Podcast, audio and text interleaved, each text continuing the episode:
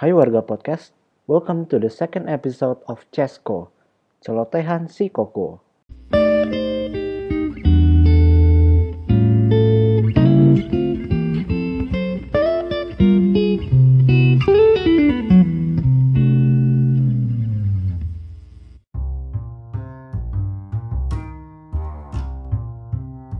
Okay, everyone, first of all, welcome to the second episode of my podcast. Dan juga di podcast kali ini, celotehannya akan masih tetap seputar pandemi. And coba deh teman-teman, kita pernah gak sih kepikiran belakangan ini atau mungkin beberapa waktu yang lalu, andai pandemi pergi, titik, titik, titik.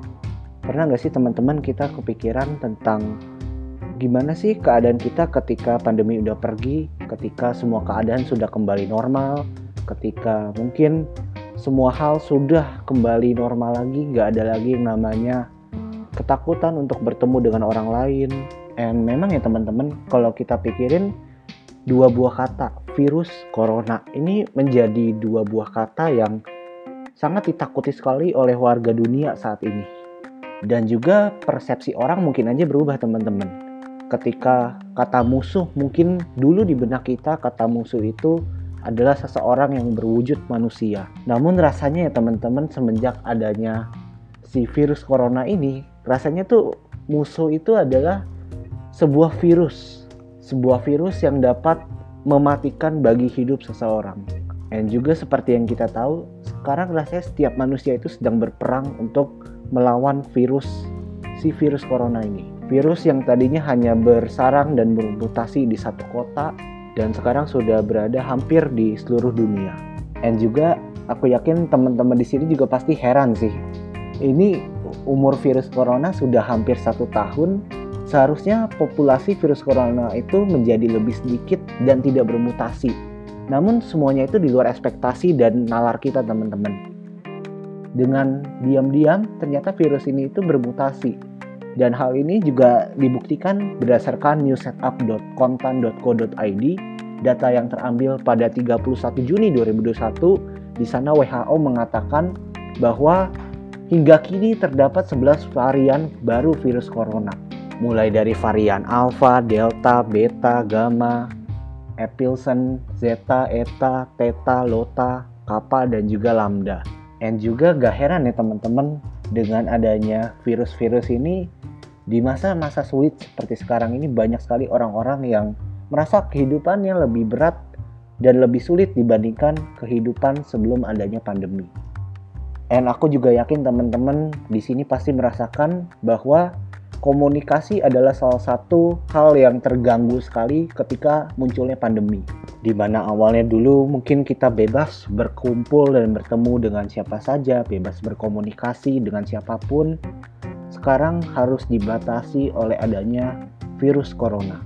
Dan memang tidak dapat dipungkiri ya teman-teman bahwa dengan adanya virus corona ini membuat hampir setiap orang itu memiliki rasa takut untuk bertemu secara tatap muka dengan orang lain. Dan apalagi ketika orang tersebut mengidap OTG dan tidak memberitahu kepada siapa pun. Wah itu menjadi hal yang sangat mengerikan sekali ya teman-teman ketika kita bertemu dengan orang seperti itu. And pandemi ini juga mengforce kita untuk melakukan segala sesuatu aktivitas di rumah. Mulai dari sekolah di rumah, belajar dan sekolah di rumah, meeting di rumah, dan lain-lainnya. Hampir segala aktivitas kita lakukan di rumah. Dan oleh karena pandemi ini tidak diketahui batasan waktunya, maka banyak sekali akhir-akhir ini dan beberapa waktu ke belakang ini orang-orang yang pro dan kontra di era pandemi seperti ini banyak sekali asumsi dan juga opini yang keluar di luar sana mengenai kapan pandemi berakhir. Ada yang beropini dalam satu tahun, namun kenyataannya ketika sudah berjalan satu tahun, pandemi ini pun belum kunjung berakhir teman-teman. Ada juga yang berasumsi dalam jangka waktu lima tahun dan juga asumsi-asumsi lainnya yang masih banyak lagi. Dan pastilah seperti yang kita tahu ya teman-teman, pemerintah juga sudah mengupayakan banyak sekali hal untuk mengurangi angka penularan COVID-19.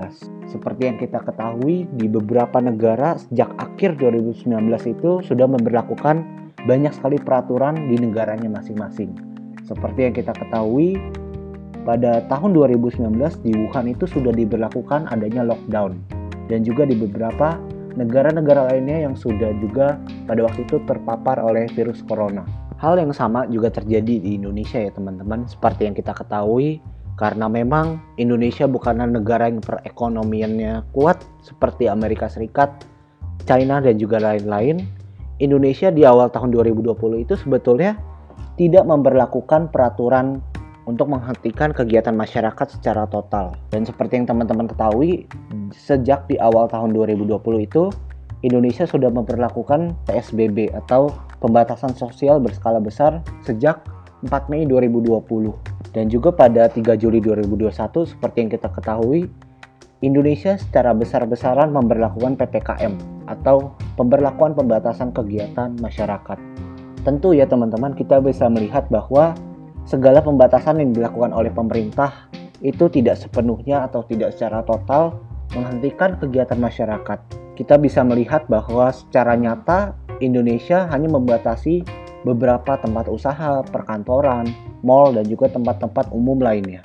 Hal lain yang dapat terlihat juga adalah dengan adanya pandemi, tempat-tempat pendidikan di dunia dan bahkan secara khusus di Indonesia tidak memperbolehkan setiap muridnya untuk memperlakukan kegiatan pembelajaran secara onsite. Dan kalau kita ingat ya teman-teman, sejak 14 Maret 2020, secara resmi sekolah itu dan universitas tidak memperbolehkan segala kegiatan diberlakukan secara tatap muka dan hanya diberlakukan secara online saja.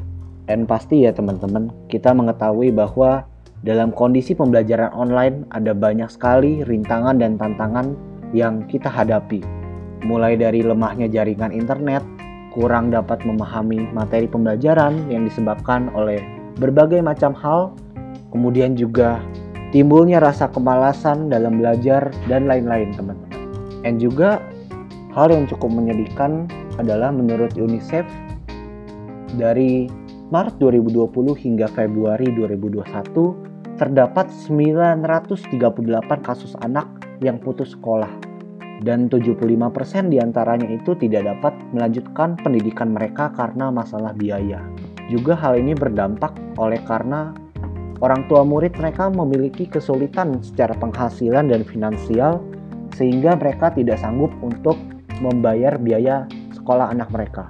Dan menurut opiniku pribadi ya teman-teman, hal ini seharusnya bisa dengan cepat diatasi oleh pemerintah karena menempuh pendidikan itu merupakan hal yang sangat penting sekali buat generasi-generasi selanjutnya untuk mereka itu dapat mencukupi ilmu mereka untuk dapat mereka itu meraih mimpi-mimpi yang sudah mereka rencanakan.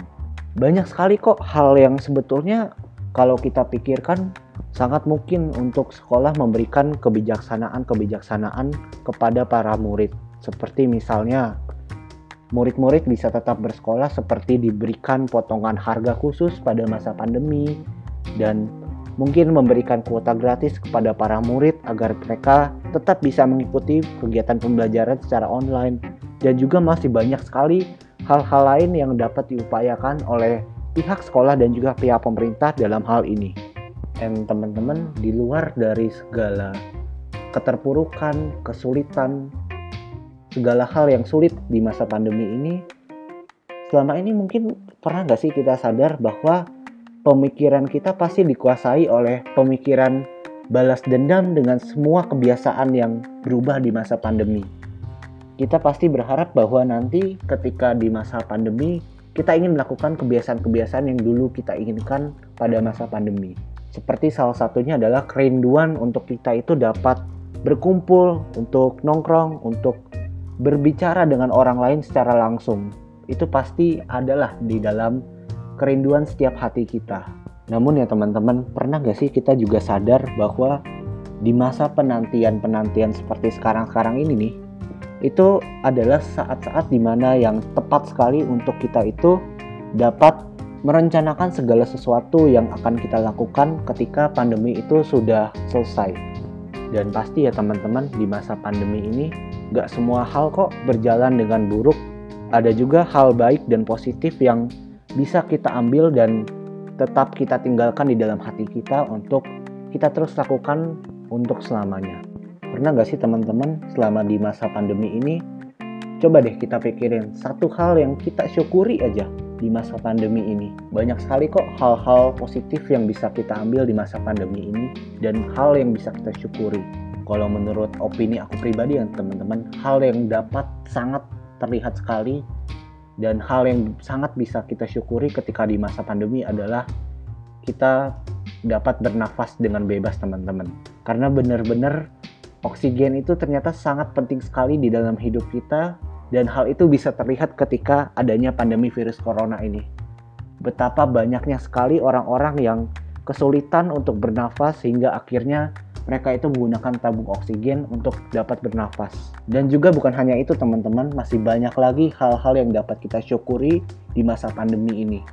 Seperti menemukan hobi baru misalnya, atau mungkin menemukan kebiasaan-kebiasaan baru yang positif di masa pandemi ini, dan juga hal-hal lainnya teman-teman.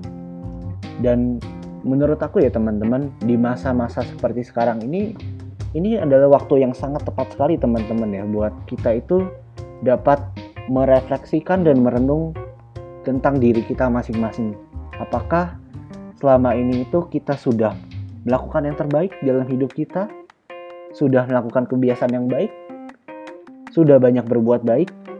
Semua hal yang kita pikirkan dan kita renungkan seharusnya dapat menjadi self improvement bagi diri kita sendiri, teman-teman. Bahwa dengan adanya kita memikirkan hal-hal tersebut, itu dapat merubah diri kita untuk menjadi pribadi-pribadi yang lebih baik. Dan tanpa disadari ya teman-teman, dengan adanya pandemi seperti sekarang ini, itu sebetulnya melatih diri kita untuk menjadi seorang pribadi yang lebih baik. Seorang pribadi yang lebih tangguh, lebih tegar, lebih siaga, dan juga lebih berwaspada dengan segala sesuatu teman-teman. Karena tanpa kita sadari di masa pandemi seperti sekarang ini, kita itu adalah orang-orang yang sangat waspada terhadap diri kita. Dan pasti ya teman-teman, masa pandemi seperti sekarang-sekarang ini tanpa kita sadari cepat atau lambat ya teman-teman, nantinya itu pasti menjadi kenang-kenangan bagi diri kita dan juga mungkin akan menjadi memori di mana kita bertumbuh untuk menjadi orang yang lebih kuat dan lebih tegar di masa pandemi ini. So, coba pikirkanlah andai pandemi pergi versi diri kamu. And this is the end of the podcast. Thank you so much for listening. Stay healthy, stay safe, and God bless you.